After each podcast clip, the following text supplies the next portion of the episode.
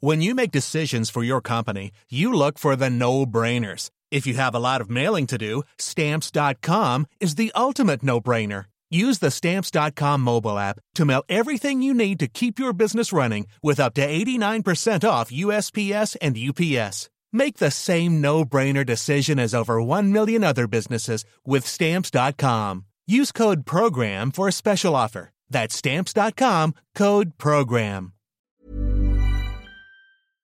Hej innebandy Sverige! Välkomna till ett nytt avsnitt. Den här gången har vi med oss Magnus Gärdelund, en av de största ledarna inom Stockholms innebandyn genom tiderna. Ja, det får man faktiskt säga. Han har hållit på med innebandy sedan 1988.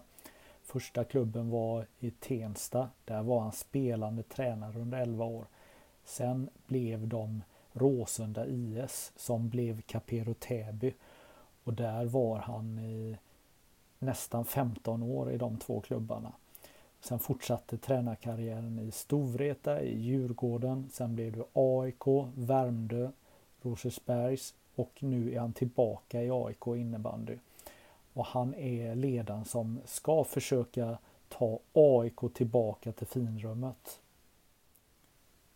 Magnus Gärdlund är också tränaren som eh, hade hand om det här mytomspunna laget Capero Täby. Ni vet de som var en hårsmå från att vinna SM-guld 2010. Eh, eh, de förlorade SM-finalen mycket knappt mot Storvreta. Och just Capero Täby var ju det här laget som hade otroligt många spelarprofiler. Och eh, det finns ju väldigt mycket myter kring det här laget. Eh, vi kommer prata om eh, hans karriär, hans eh, visioner med AIK och mycket mer. Men nu tycker jag att vi sätter igång det här avsnittet. Nu kör vi!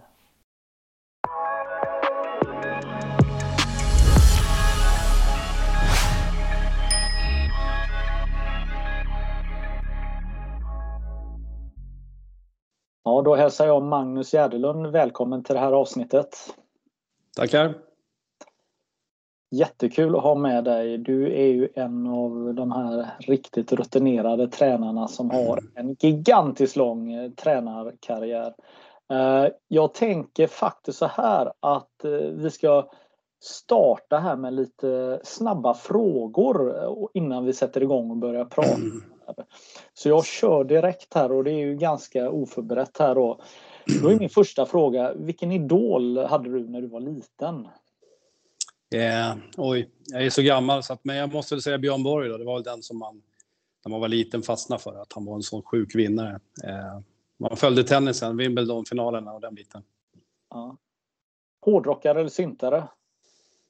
Ja, då skulle jag nog säga mest eh, hårdrockare, fast jag var nog inne och syntade lite grann också i, i början på 80-talet. Men hårdrockare vart det nog till slut. Ja. Eh, om du eh, får åka någonstans på semester, var åker du helst då? Ja, vart åker jag? Eh, någonstans där det är varmt. Eh, I Sverige skulle jag säga att jag åker till Smögen faktiskt. Där har vi varit många gånger. Ja, det är fint. Mm. Jag har spelat där många gånger med Capero Täby bland annat. E exakt, kombinerad semester och eh, lite kuppspel där. Det har varit sjukt kul faktiskt. Mm. Eh, när försvann eh, barret då på huvudet? Barret försvann någon gång, eh, vad kan det ha varit? Eh, man tog en rakapparat när det började tunna ur och så körde man av det. Det kändes ganska bra. Jag vet inte vilket år det var faktiskt. Eh, någonstans på 90-talet. Det var länge sedan. Ja, var det känsligt?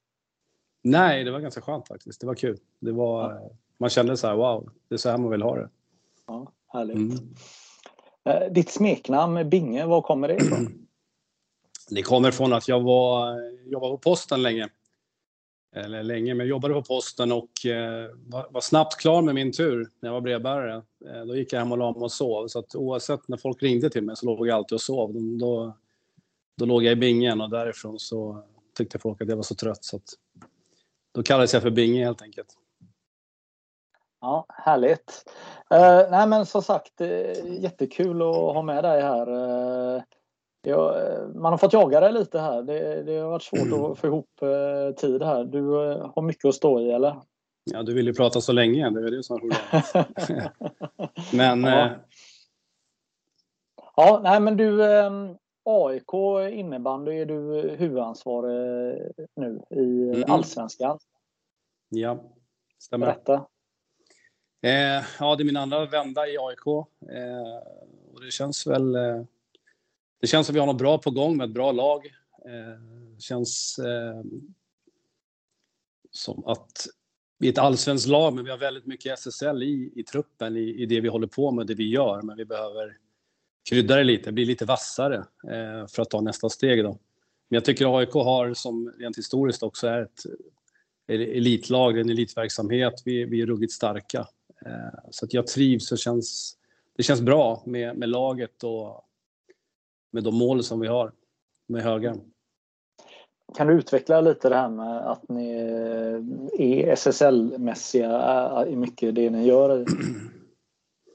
Jag tycker det finns en tydlig, tydlig sammanhållning i gruppen, att man är där för att man vill tävla på elitnivå. Det finns inga andra aspekter i det hela, utan det vi har gemensamt är att vi vill uppåt och vi vill vinna. Och den, det är lätt att säga, men man måste också ha känslan att, att ett lag vill dit. Man vill offra någonting för att, för att vinna och den offerviljan finns i den här truppen och då, då trivs man som ledare. Då är det, eh, du slipper massa onödiga problem, utan allting är ganska tydligt att det, det är därför vi vi idrottar för att vi vill bli bäst. Och det, det låter som en klyscha, men känslan är där och att folk är på väg uppåt och vill bidra. Liksom. Så det, det, är mm. bra och verksamheten är bra. Om man stämplar in i Solnahallen så är det, det är på en hög nivå. Jag, jag gillar det, jag uppskattar det att vara där. Mm.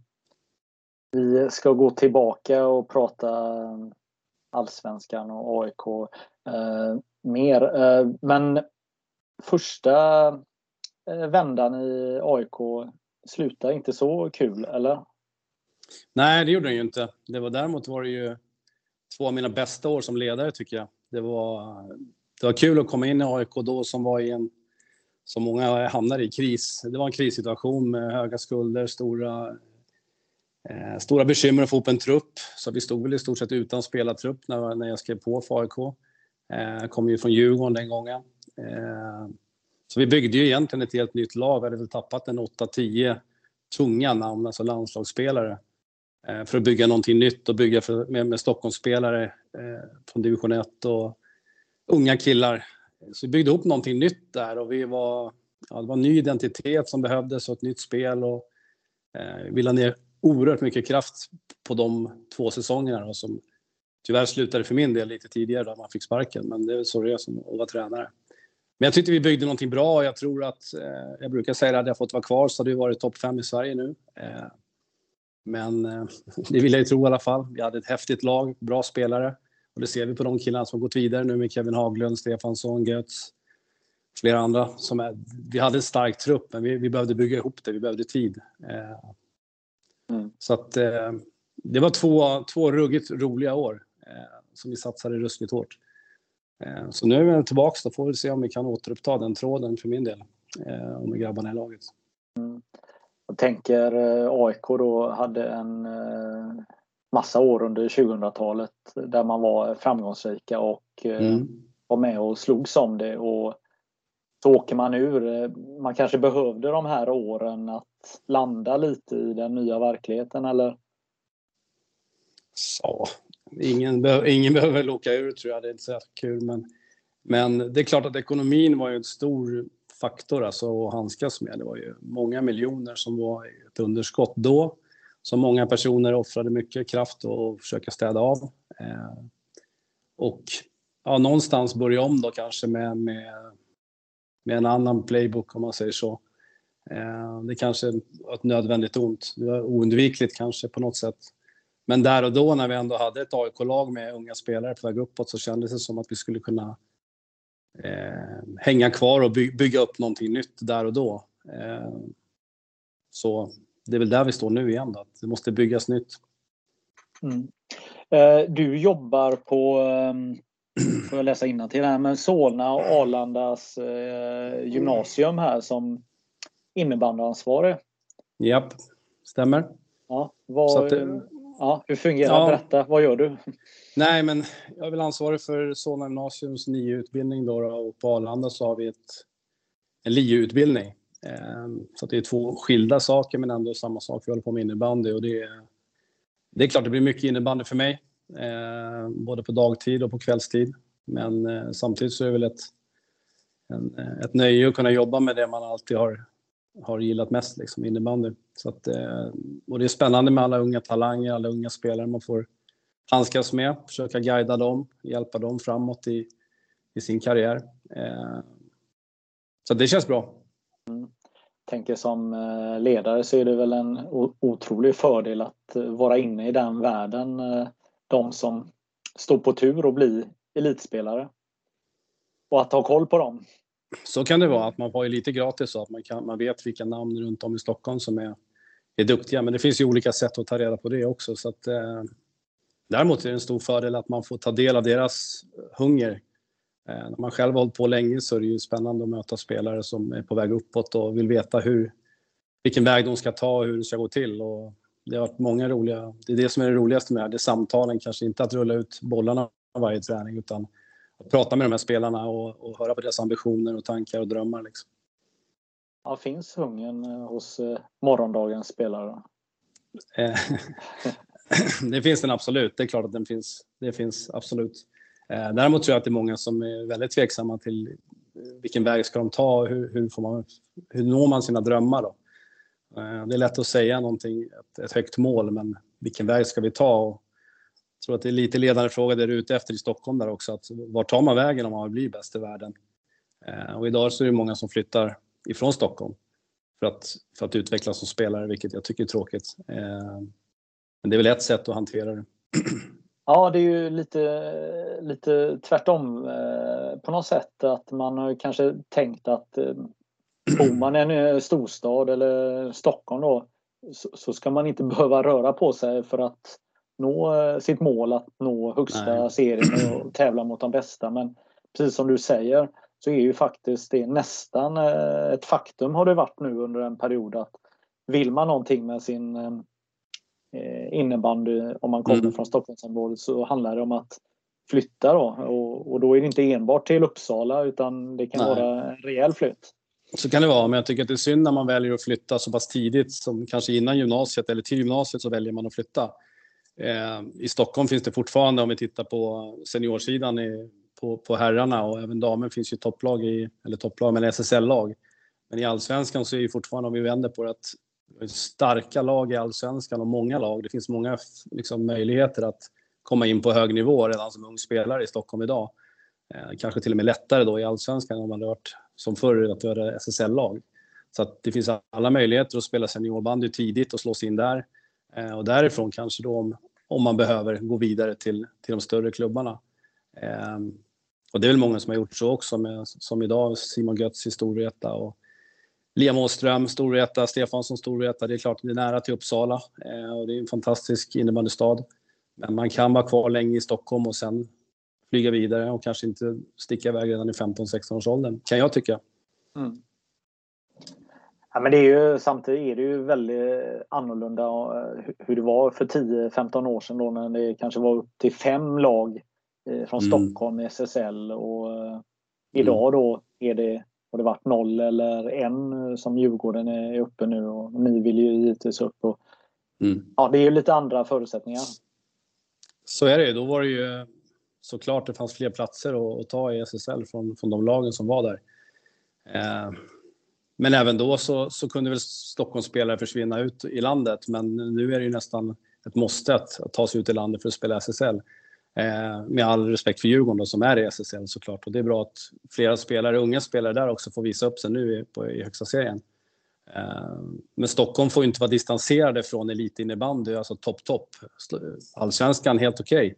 Men eh, uppe i högsta ligan så måste det finnas för Stockholmsspelarna, det tycker jag absolut. Eh, så vi får väl se vad, vad, man ska göra åt det. Du vill säkert ha svar på det också, men den, den är svår den frågan.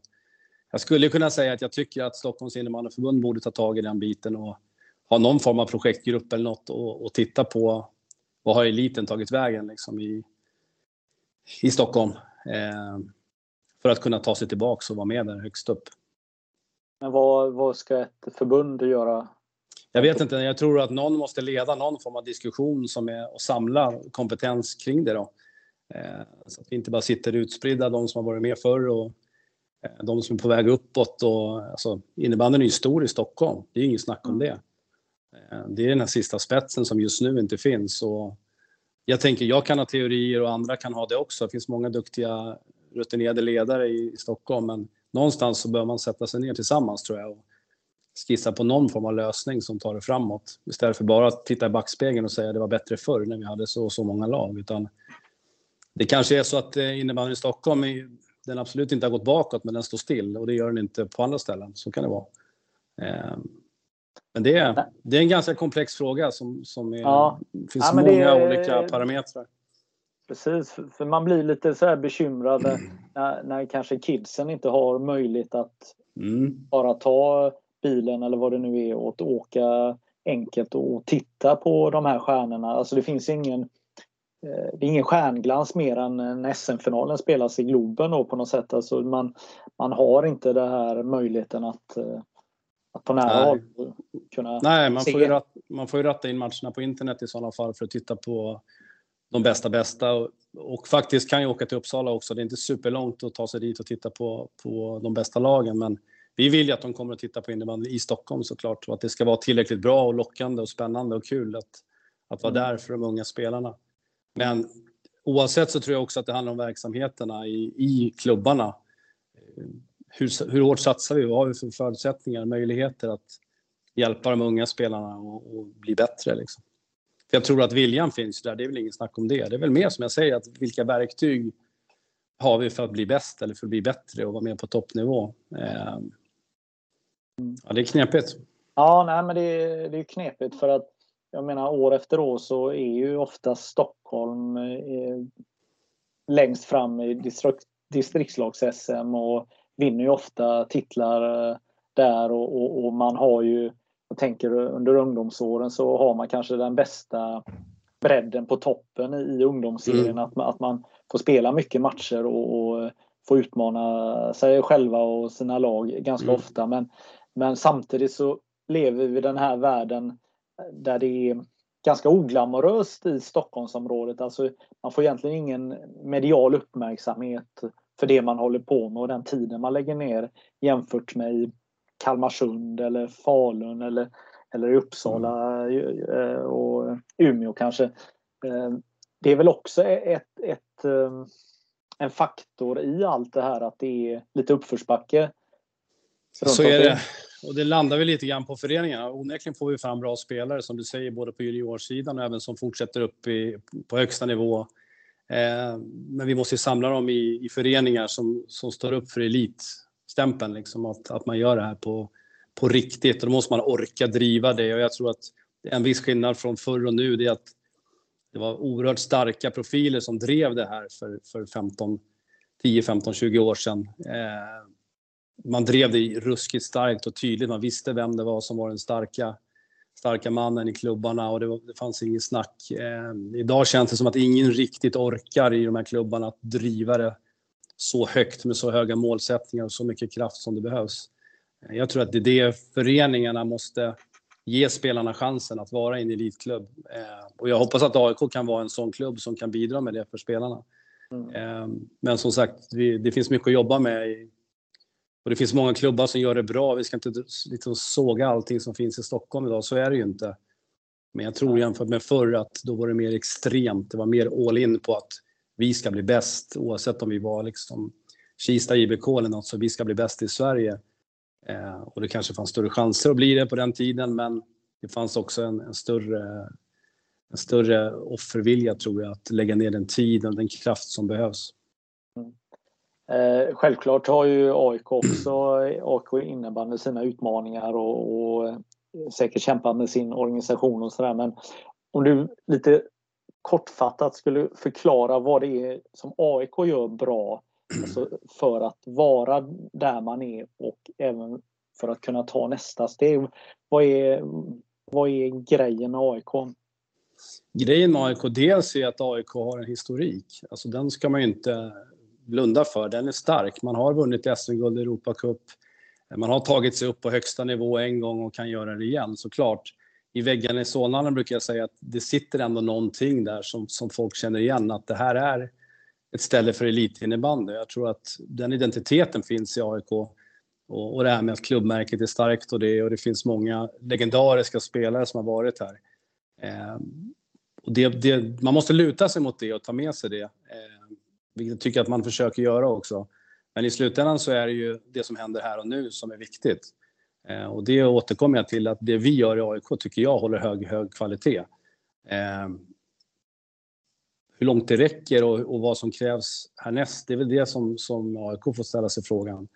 Eh, hur vi verkligen tar oss tillbaka till toppen. Liksom. Men, men onekligen så finns ju den målsättningen och det tycker jag är bra.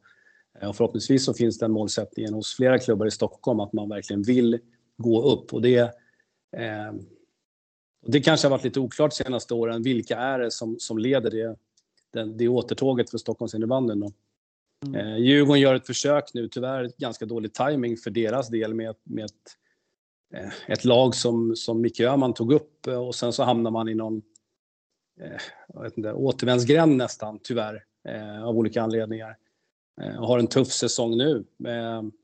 Hade de varit bättre rustade och kommit till ett bättre läge så tror jag att eh, Djurgården hade kunnat vara, vara, vara det laget som etablerat sig och sen visa vägen för, för flera.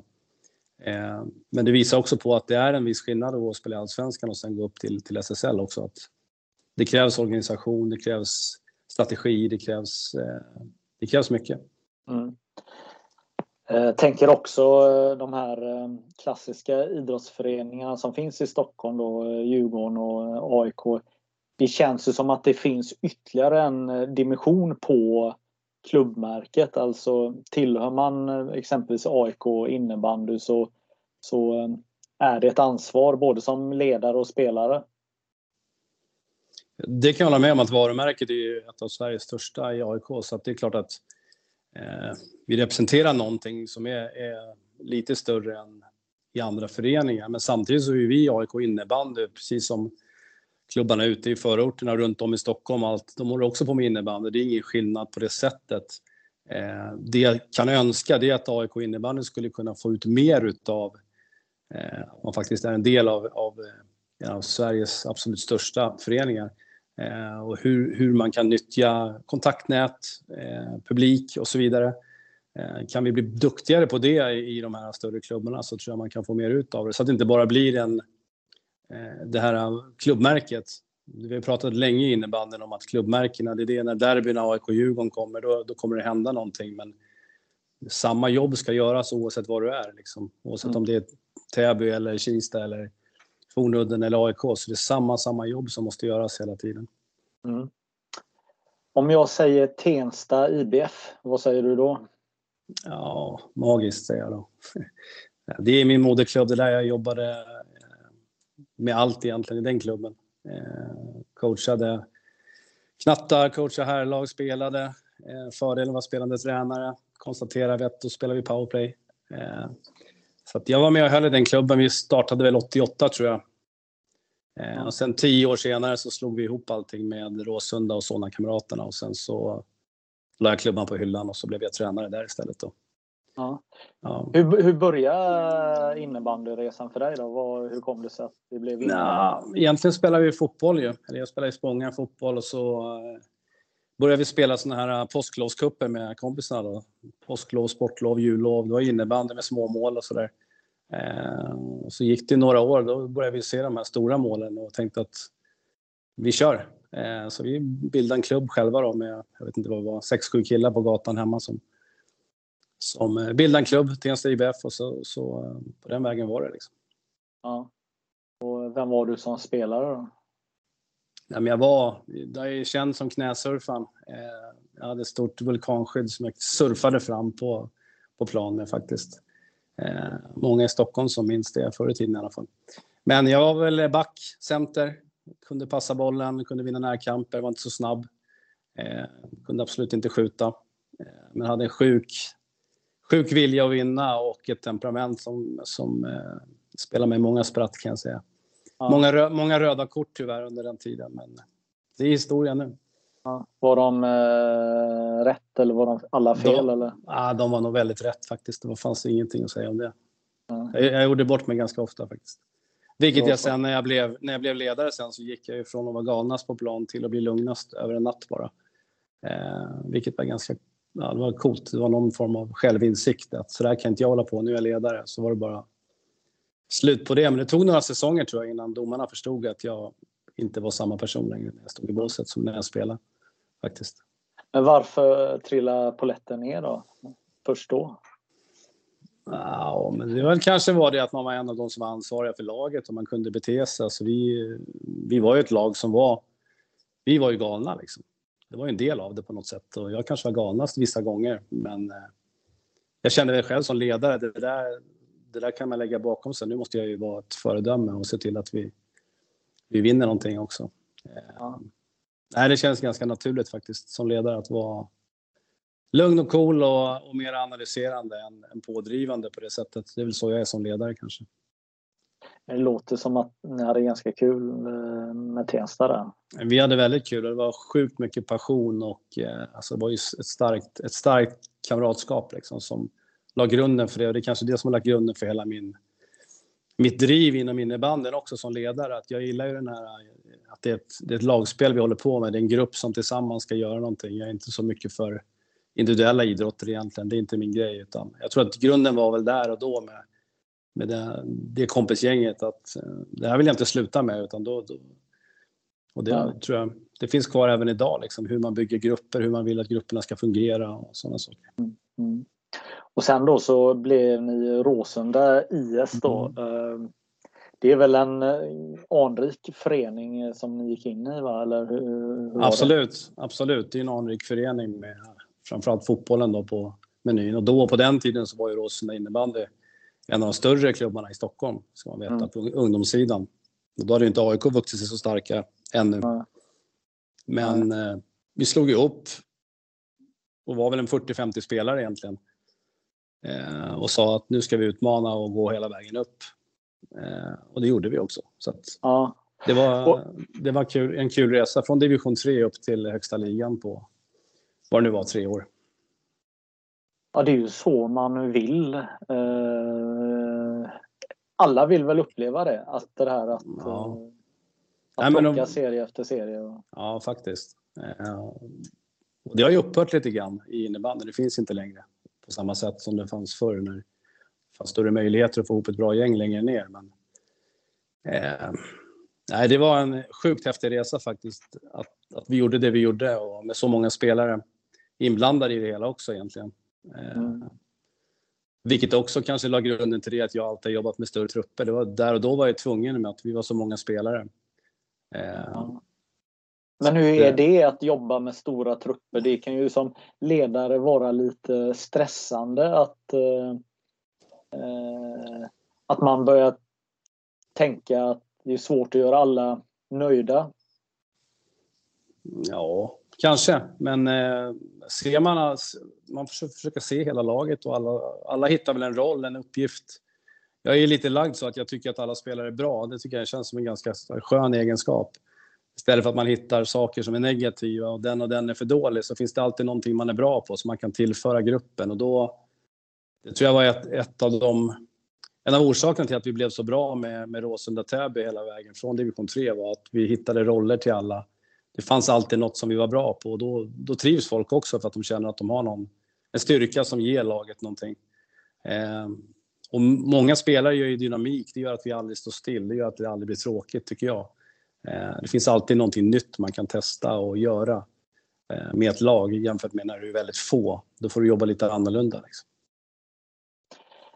Jag eh, tänker historiskt med Stockholmsinnebandyn så mitten av 90-talet så fanns ju topplagen och helt plötsligt kom ett lag som Kista bakifrån mm. och, och vann. Och, och, och sen ytterligare några år senare runt millenniet så kom ju Haninge från ytterspåret och tog över. Och, mm. och, när ni gjorde den här resan med, med Råsunda så är vi i den här perioden när det kryllade av lag i SSL från Stockholm. Vi hade Järfälla mm. och alla de här andra etablerade lagen som, som, som, som spelar. Och så kommer ytterligare ett lag. Alla utanför Stockholm tänkte ju Men vad fasiken, vad, vad har Råsunda att tillföra? Ja, precis. Alltså, vi körde på, på vårt sätt allting. Vi, vi hade en egen stil i allt vi gjorde egentligen. Och det, väl, det var lite så innebandy var på det sättet på den tiden att man behövde ha någonting som stack ut. Så varför, varför skulle man spela med Råsunda eller med, med Täby som vi blev senare? Och sen så blev det också så att ja, vi är väl det, det sista elitlaget egentligen i Stockholm om man ser till att vi var framme i SM-finaler, vi, vi nådde stora framgångar medan de andra droppade av, då, de som inte orkade hålla i. Och sen orkade inte vi heller till slut. Eh, och AIK har ju fått bära den fanan då eh, ett antal år till. Så att, men det var samma där. Den satsningen som vi gjorde med Täby, den var brutal. Och med Råsunda, det, det fanns myter om att vi inte tränade och sånt. Det stämmer ju inte. Vi tränade brutalt. Vi tränade det var inget konstigt, vi körde 100, 100 dagar i rad och sådana där projekt hade vi. Liksom. vi. Vi startade på julafton och sen körde vi 100 dagar träning. Och, eh, det fanns liksom inga genvägar för oss där och då. Eh, så det var, det var ett bra lagbygge med bra innebandyspelare. Och, eh, ja, någonstans är det synd att vi inte har något lag i Stockholm som är i SM-finalen längre. Det tycker man är jättetråkigt. Alltså, men det är inte för sent än. Man får börja bygga nytt. Liksom. Ja. Ja, men jag, Råsunda, det var jäkligt spännande och jag, eh, jag minns ju då när ni när ni var storfavorit att, att lösa det här och, och ni, ni, ni, eh, det är fel ord att säga slaktade, men, men ni körde över eh, eh lagen i eran serie och, och, skulle fixa kvalet. Och jag minns ju mm. själv att jag var tittar på kvalet där mot min moderklubb eh, i Göteborg här i Vallala och då på något sätt så lyckades ni inte det här första gången. Nej, det, var ju två parkettmatcher om inte jag minns rätt eller, eller fel. Ja, att, eh, Petri, Petri Lukonen tror jag, han hade ju lekstuga mot oss och körde över oss. Då hade vi ju, var helt obesegrade i serien och skulle, skulle slå Robert Schöj då. Ja. Eh, men där gick vi på nit men sen fick vi en chans till och, mot Örnsköldsvik och, och, kunde hämta in det. Då flyttade vi matchen till gummigolv i Eriksdals, ja. Eriksdalshallen. Det var på den tiden där man, det var viktigt med underlaget. Nu, nu slipper de ju det. Mm. Det spelas ju alla matcher på gummigolv. Men, vi var, men det var lite, ni blev lite, inte tagna på sängen, men det, det hade gått eh, allt enligt planen och helt plötsligt mm. så blev det lite grus där tillfälligt. Ja, verkligen. Vi var chanslösa. Vi mötte Robert Schöjd och var helt chanslösa. Sönderkontrade. I. Solnahallen. Det var vår första match i Solnahallen på hela säsongen. Vi var tvungna att flytta in där. Ja, det. det var då vi fick den här parketteffekten som vi tyckte var, herregud, det här, det här gillar inte vi. Ehm, så att, eh, vi fick åka ner till Göteborg sen och bara spela av den egentligen. Vi var chanslösa. Ja, just det. Mm. Men vi, vi, gick, vi gick upp, vi slog Övik och så gick vi upp i högsta ligan och det var väl Eh, ja, som du säger själv, det är väl den resan man vill göra från division 3 högst upp. Liksom. Ja, ja vad kul. Om tre timmar äh, har jag match. Då spelar jag faktiskt med Peter Laukan och jag ska nog, ja, du ser. Äh, jag ska nog berätta att, att du minns. Ja, då blir han glad. Nej, men, men, men, men sen så kan du berätta varför blev ni Capero Täby? Varför blev Råsunda Capero Täby? Det var ganska enkelt. Vi var i skuggan av AIK i Solnahallen. Vi hade svårt att få träningstid, vi hade svårt att få stöd. Vi hade ingen större publik som följde oss och sådär. Så, så det kändes som att eh, vi fick ett förslag från Täby som då hade ja, typ Sveriges största ungdomsverksamhet på gång. Jag vet inte om de var framme där då, men det var en oerhört stor innebandyklubb och vi hade en diskussion. De var vårt farmarlag året innan tror jag. Eh, så vi hade diskussionen att vi skulle flytta över och någonstans så blev det så. Jag minns inte detaljerna men det kändes som att, att vi var redo. Liksom. Vi behöll hela vårt lag intakt och så flyttade vi till Täby. Eh, det funkade liksom. Det var, just att vi kom dit också helt intakta var ju ganska häftigt för att det, det är lätt att man tappar någonting när man gör en sån grej. Ehm, men vi höll ihop det och det blev bra. Tibblehallen och Täby tog ju oss direkt eh, till sina hjärtan kan man säga. Det var ju fullsatta matcher och det var ett otroligt drag där ute. Ja, vilket jävla tryck mm. det var på matcherna. Jag minns att vi mötte AIK i, kvartsfinalen tror jag. Eh, 06-07. Det var flera timmar innan matchstart så var det ju kö hela vägen ner för backen utanför Tibblehallen och det hängde ju folk i gardiner och överallt. Det var helt, helt sjukt alltså. Eh, så att Det var kul.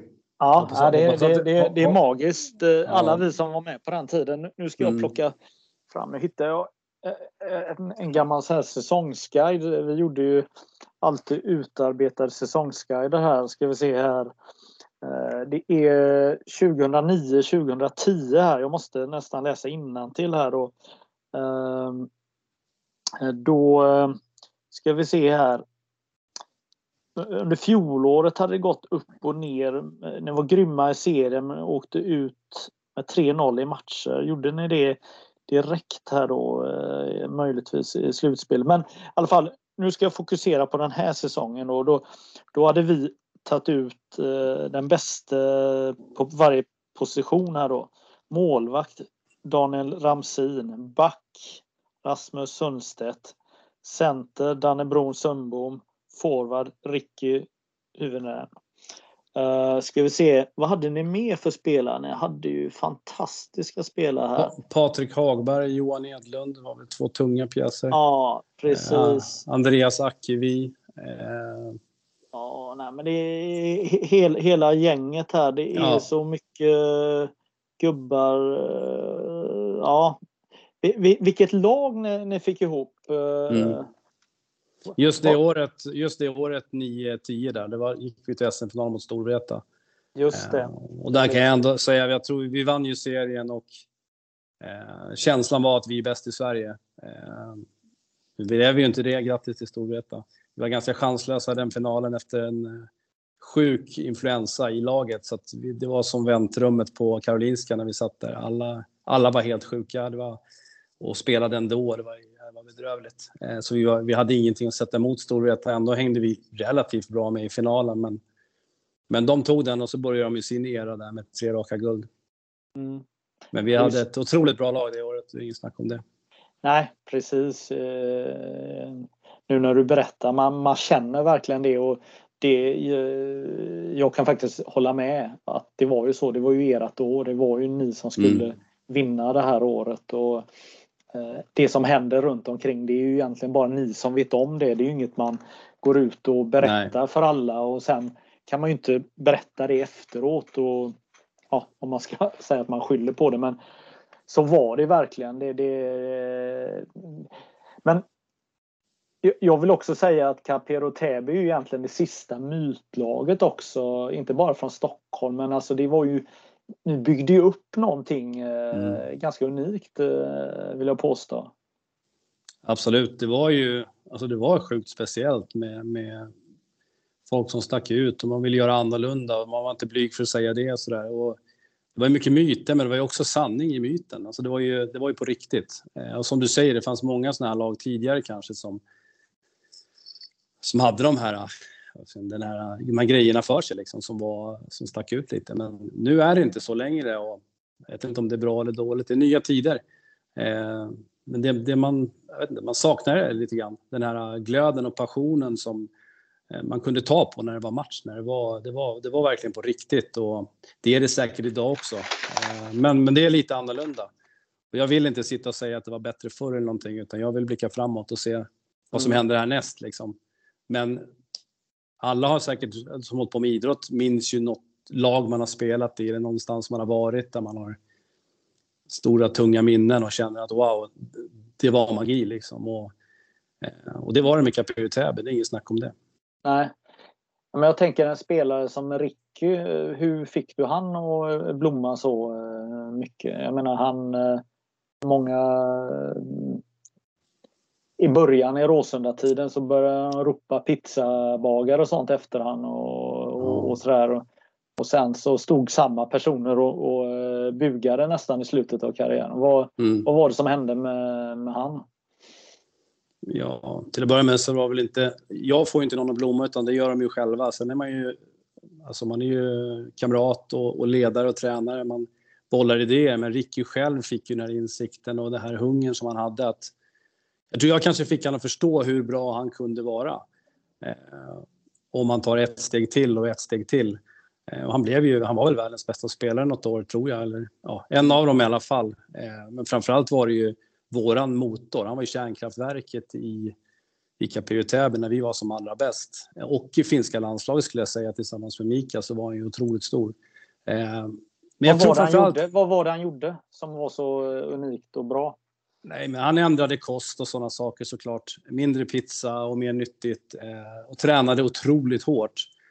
Eh, och han kunde ju verkligen ha tre gubbar på ryggen och ta med dem hela vägen in i mål. Liksom. Det var ju, han var ju brutalt stark. Eh, en fantastisk spelare, absolut. Och all cred för hans resa liksom, som han gjorde. Jag tror att han fick energi av den gruppen vi hade i Täby. Alltså att vi spårade varandra, alla spelarna runt där. Eh, och han blev ju den som gick i bräschen, men det fanns ju andra också som var eh, också färgstarka och, och tog för sig. Liksom.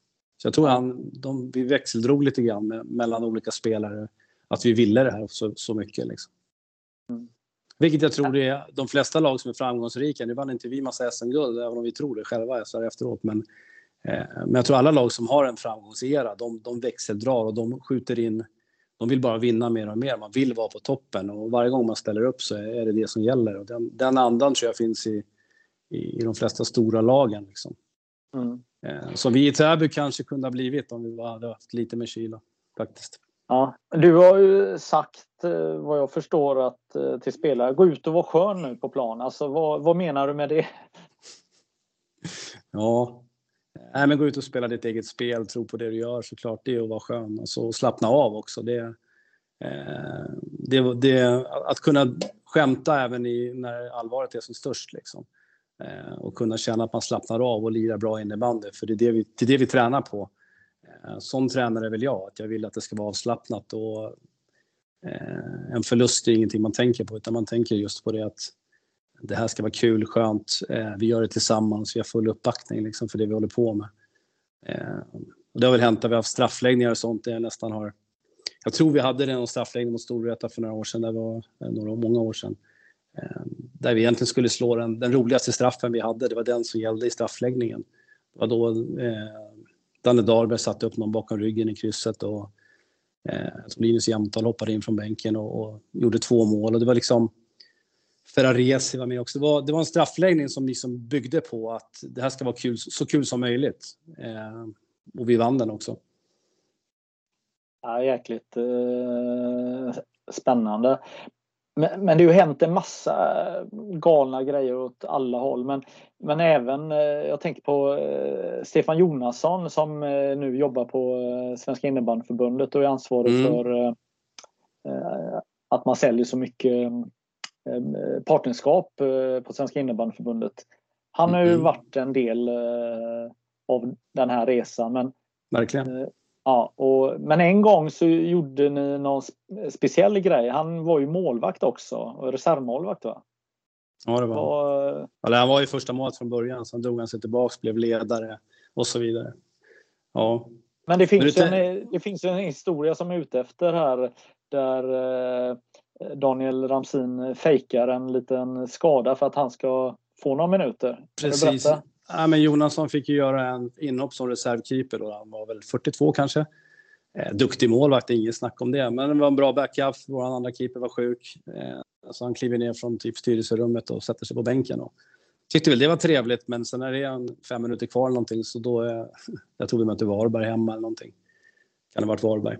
Då är Daniel Amsin plötsligt ont i axeln och så får vi in Jonasson och gör sin, sin SSL-match där. Eh, så det, han var, det var en kul grej, men vi vann väl matchen med några påsar. Ja. Men det var typiskt eh, Capero Täby eller? Jag vet, ja, jag vet inte. Kanske det var. Jag tycker att det är spännande och kul att han nu är typ en av en av eh, bossarna på förbundet. Det är lite kul. Det trodde man inte då när han höll på i Täby. Han skulle sitta i Svenska innebandyförbundet. Nej. Nej, men det är härligt att man vågar ta in sådana färgstarka personer. Mm, absolut. Mm. Um, sen tog ju eh, Capero Täby-perioden slut för dig då och du går till eh, Storvreta IBK då, som är eh, det nya dominerande laget mm. och klubben får man säga i innebandy Sverige. Hur var det? Ja, jag har för mig också att det var, jag var på väg till Storvreta någon gång innan där, men, men då var det inte aktuellt. Sen när Täby började någonstans kände man väl att det var ju många år i Täby för mig. Någonstans kände man att jag har inte mer att kräma ut det här efter. Det var säkert tio säsonger eller någonting. Mm. Eh, och Storvreta ringer och medan Storvreta är såklart eh, ett superlag. Eh, så det är ju bara en ära att få en fråga på den nivån. Eh, och att komma dit var väl eh, det var lite kontraster. Det var en annan stämning en annan miljö i Storvreta än var i Täby, men det fanns också gemensamma nämnare som var ganska tydliga liksom, i den här eh, vinnarmentaliteten och färgstarka personer. Och, eh, så jag kände mig ganska, ganska omedelbart liksom, hemma i Storvreta. Fast mm. att jag kanske jobbade på ett sätt som de inte hade gjort tidigare. Eh, så det fanns ju skillnader, men samtidigt också fann vi varandra på något sätt, tycker jag. Det var två, två grymma år faktiskt. Det, var, det är kul att se innebandy från en sån eh, synvinkel som att vara i en förening som är på toppen. Eh, inte bara som lag, att man har ett bra lag, bra spelare, utan även föreningen som backade upp det här laget så fullt som man gjorde. Eh, så det var, det var många härliga individer i, i Storvreta som var kul att lära känna. Mm. Eh, du fick ju jobba tillsammans med Mika Konen eh, bland annat och och alla andra skickliga spelare. Men hur, hur eh, kände du av en annan... Eh, för jag menar, du, du kom ju dit för att leverera guld och medaljer. Va? Var det en skillnad mot eh, det, det du hade gjort innan?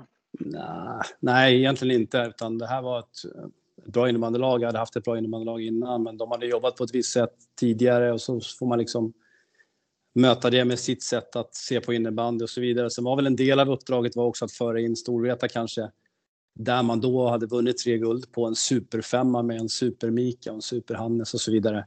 Mm. Det var ju ett otroligt innebandylag, men någonstans så var ju mitt uppdrag också delvis att lyfta fram yngre spelare, att, att göra Storvreta bredare, att kunna jobba i en framtid med, med mer än kanske bara en superfemma.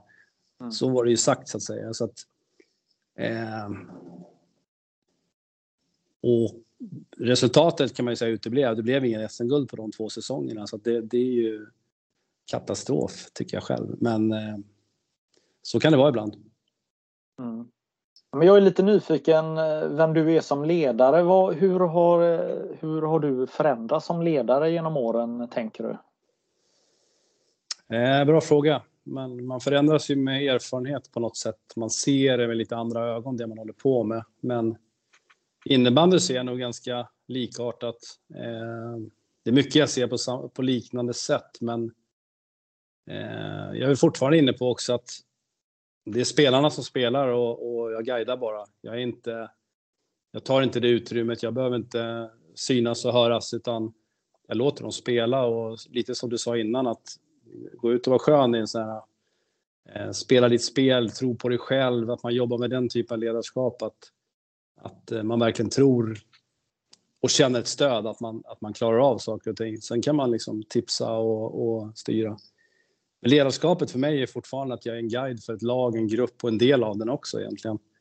Eh, och sen så finns det så otroligt många parametrar att göra. Men vad jag har förändrat jag vet inte. Jag, jag förändrades faktiskt en del efter SM-finalen 2010 när jag pratade om det, att vi var sjuka och jag tror jag stod med halsfluss och fick någon cocktail av Thomas Rappel att, för att klara av den där finalen. Men samtidigt så förstörde jag stämbanden i den matchen ganska rejält eh, och rösten försvann ju under matchen, eh, vilket också blev lite konstigt. Men men efter den, efter den finalen så då kallade vi ner eh, sportchefen från läktaren för att, för, för att låta i båset. Det var jättekonstigt. Men, men rösten, stämbanden var förstörda. De var dåliga. Så jag gick länge hos någon, någon sån här eh, sångpedagog som skulle hjälpa mig med stämbanden.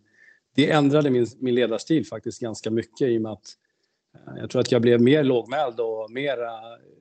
Jag väljer mina ord mer idag det går inte att stå och gapa och skrika i ett bås. Jag vet inte om det är bra heller, men det finns olika ledarstilar. Men där och då så fick jag backa lite och blev, blev faktiskt eh, eh, ja, men lite tystare, lite lugnare och lite mer... Jag fick ändra mitt sätt att kommunicera. Så det gjorde en del i, i hur jag agerar i båset som coach och så vidare. Faktiskt. Mm. Ja. Sen är det så att när jag var coach i Täby så var det en sak, du bygger ett lag över lång, lång, lång tid. Då kan du också göra väldigt, väldigt roliga saker när du coachar. Eh, och det var väl det som snackades om på den tiden, att, att det var tombola coaching, eh, Binge rörde om och hit och dit. Och folk tänkte att jag var bara tokig, men det fanns ju en tanke med allting och det fanns också en kunskap om mina spelare. Jag kände dem ju utan och innan, vilket gjorde att jag kunde ju trixa med det som hände på plan med mina spelare i olika tappning. Och en del kanske tycker att det är tokigt, men jag tyckte att det var ganska coolt. Eh, vi fick bra resultat av det, men det krävs också att du känner spelarna. Så senaste åren så har jag varit i ett lag eh, två år. Två år i Djurgården, två år i AIK, två år i Värmdö och så vidare. Eh, ett år i pandemi. Men du lär inte känna spelarna fullt ut, 100% på kort tid. Ge mig tid. Ju mer man kan lära känna spelarna, ju mer kan vi få ut av det.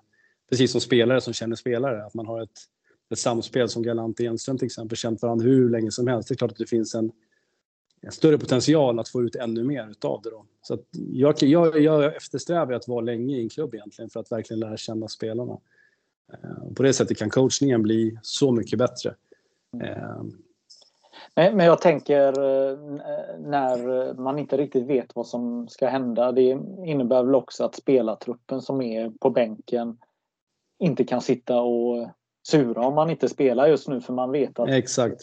att man helt plötsligt kan hoppa in i ett byte och få huvudrollen. Verkligen. Vad som händer i nästa byte det är ingen som vet. Eh, och, och, om du har en trupp som, som gillar det och är fostrade i det så är det ju ett, tycker jag, det skapar dynamik, det skapar engagemang, det skapar så mycket positivt. Eh, men har ett lag som inte är vana vid det här sättet att coacha så blir de ju otrygga, nervösa och så vidare. Så det gäller att successivt Eh, få en, en trupp bakom sig, liksom, att man förstår vad, vad coachen menar så att de, de reagerar på rätt sätt. Eh, och det är olika spelare som reagerar på olika sätt, det måste man veta hela tiden. Så att, och det tycker väl jag kanske att det ska vara en styrka som ledare att du kan anpassa ditt ledarskap efter den truppen du har, inte tvärtom. Eh, Precis. Eh, sen var det också en eh, sväng i Rosersbergs eh, innebandy. De har jag stött på många gånger. Väldigt duktigt turneringslag genom många år här och där mm. hade ni något riktigt fint på gång där men så slog pandemin till. Exakt. pandemin stoppade upp det där. Men det var kul. Det var, vi hade precis kommit igång egentligen. Eh, vi hade en bra trupp för det var division 1 då. Så att, eh, målet var ju att avancera upp till allsvenskan. Eh, så att, jag vet inte vad jag ska säga om den pandemin, det var ju katastrof. Alltså det, som ledare är det ju... jag vet inte, det har fått ett sånt stopp i... Det blev ett stopp i maskineriet så jag funderade ju länge på att sluta.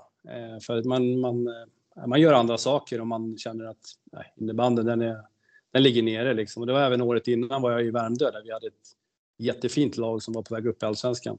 Och då bröt ju förbundet serien i, i sista omgången egentligen. Eh, så det var, det var jobbigt. Jag känner att nu är det dags att sluta. Som jag har sagt tidigare, det kanske är dags att sluta när man, eh, när man kommer upp i åren. Men eh, pandemin gjorde också att när AIK hörde av sig så kände jag att vi kör. Att nu finns det energi att göra någonting nytt och eh, man fortfarande har någonting att bidra med. Liksom. Man känner känner passionen och glöden för att hålla på med det. Så att, men de där pandemiåren var, det kändes ju som en riktig käftsmäll tycker jag. Mm. Du lägger ner så mycket kraft i att bygga ett lag och, och, bygga det man gör och sen så är det någon som bara trycker på avknappen. Liksom. Det, var, det var tufft.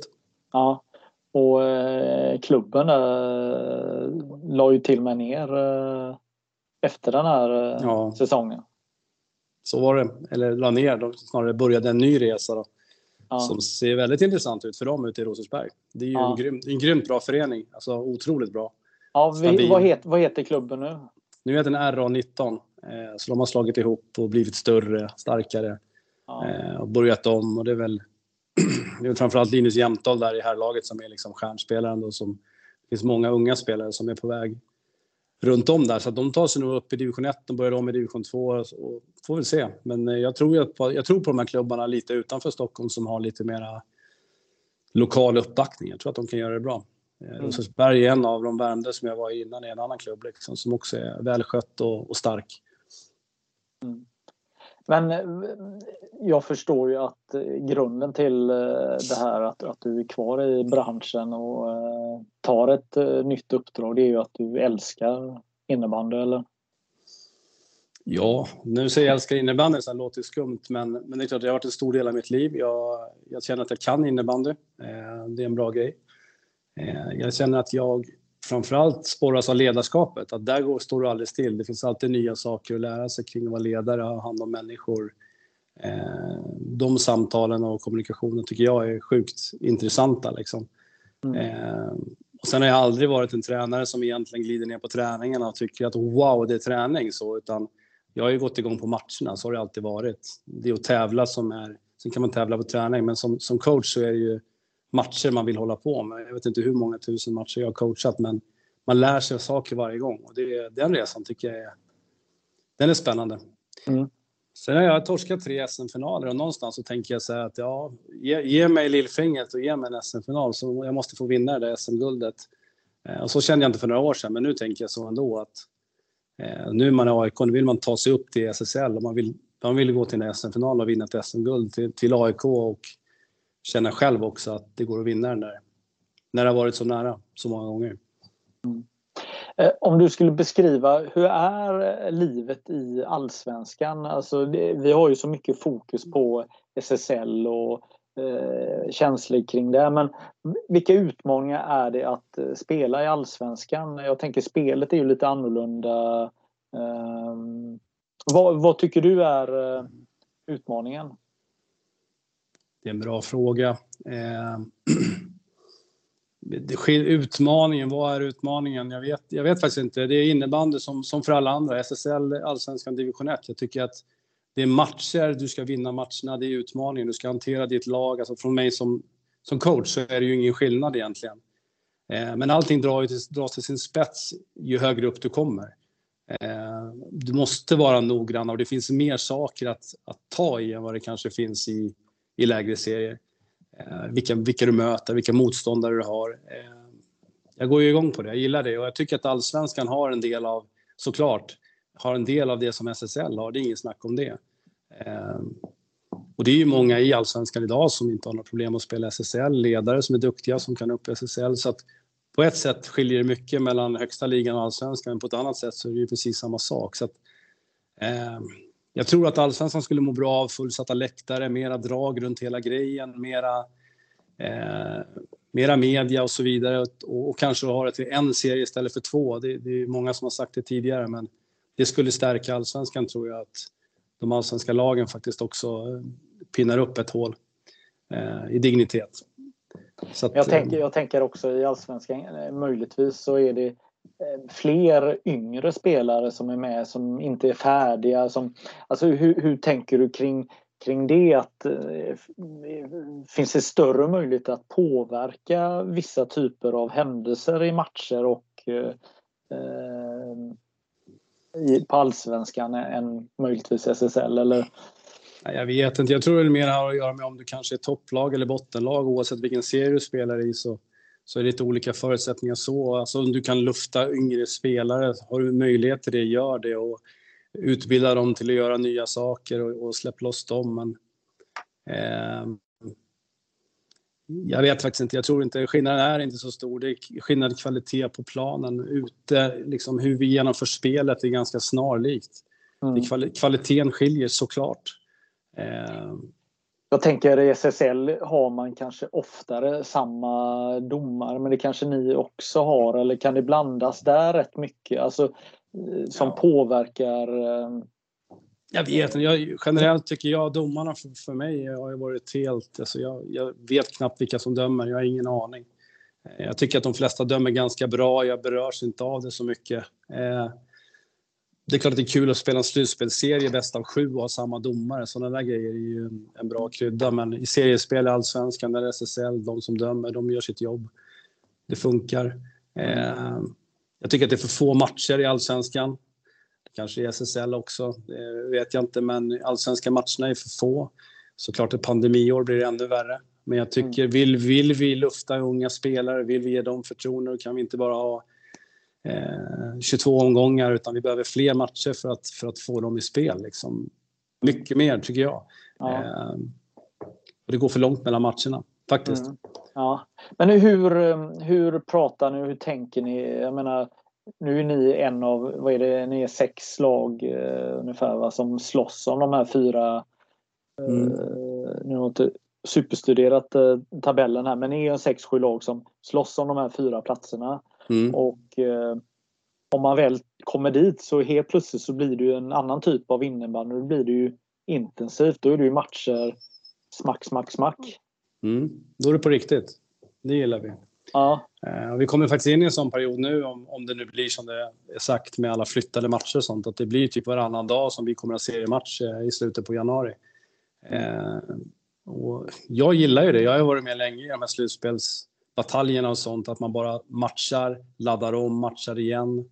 Jag gillar ju det. Sen kan det kanske lite överdrift som det är nu, att det är fyra matcher på sju dagar, men ehm, det, det, behövs, det behövs ett, ett, matchande också för att utveckla spelarna i matchsituationer så att det inte går för långt emellan, tänker jag.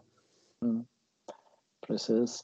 Och eh, hur tycker du att eh, det här upplägget är eh, mellan, mellan allsvenskan och SSL? Är det här rätt form som vi har? Eh, hur vi får upp lag i eh, högsta serien? Jag tycker den funkar.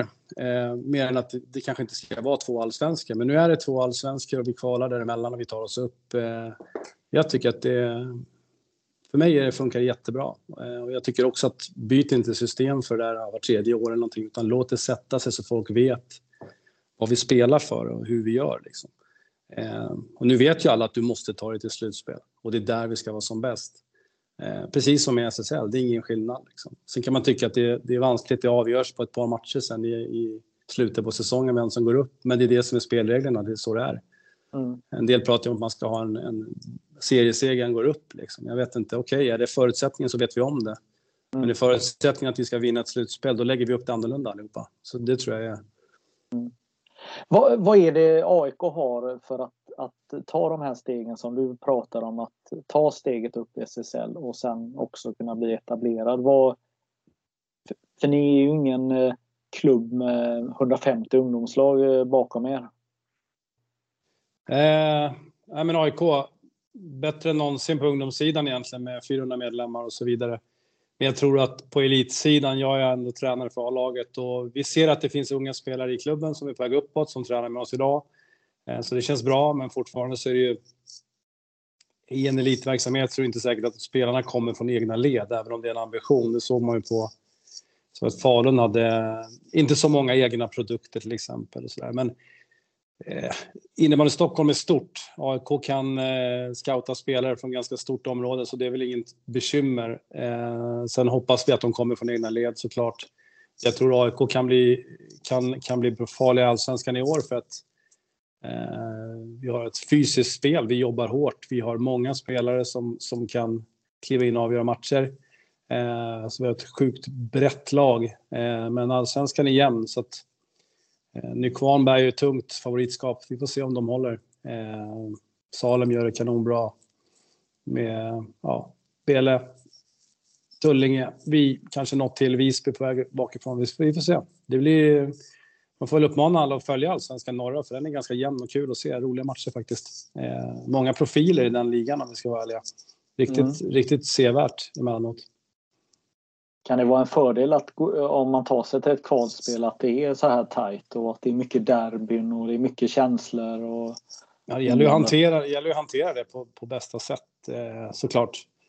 Eh, så det ser vi fram emot att ta oss till slutspel. Det blir tufft. Men det är ju nästan så att alla matcher fram till slutspelet nu kommer vara för alla lag. Det blir viktiga för att ta sig dit.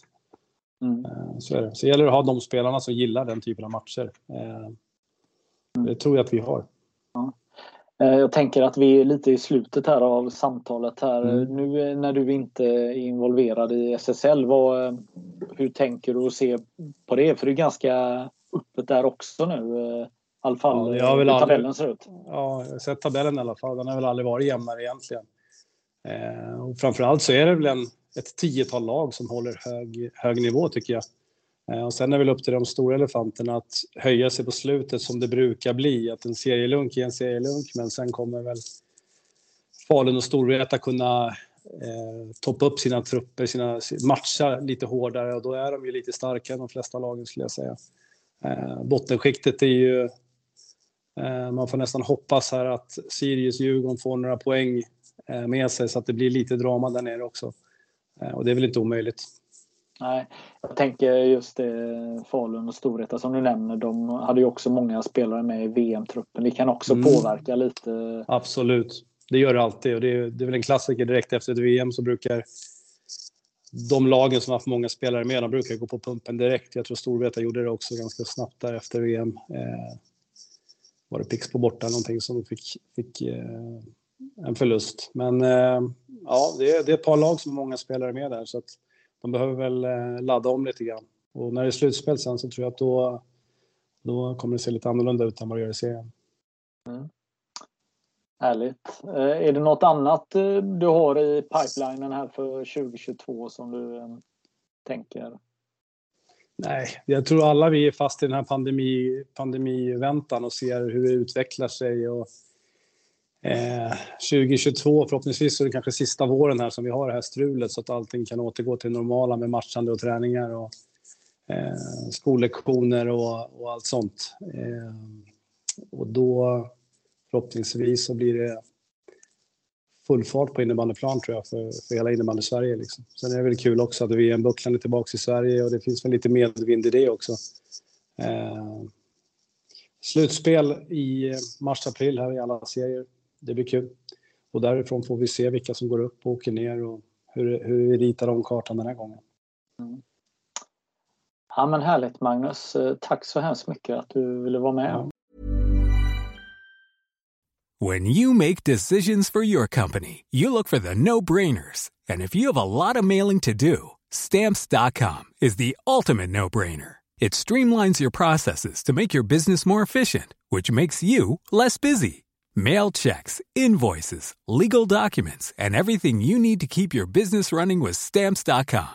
Seamlessly connect with every major marketplace and shopping cart Schedule package pickups and see your cheapest and fastest shipping options from different carriers with rates up to 89% off USPS and UPS rates. And with the Stamps.com mobile app, you can take care of mailing and shipping wherever you are. Make the same no-brainer decision as over 1 million other businesses with Stamps.com. Sign up with Code PROGRAM for a four-week trial, plus free postage and a free digital scale. No long-term commitments or contracts. That's stamps.com. Code program.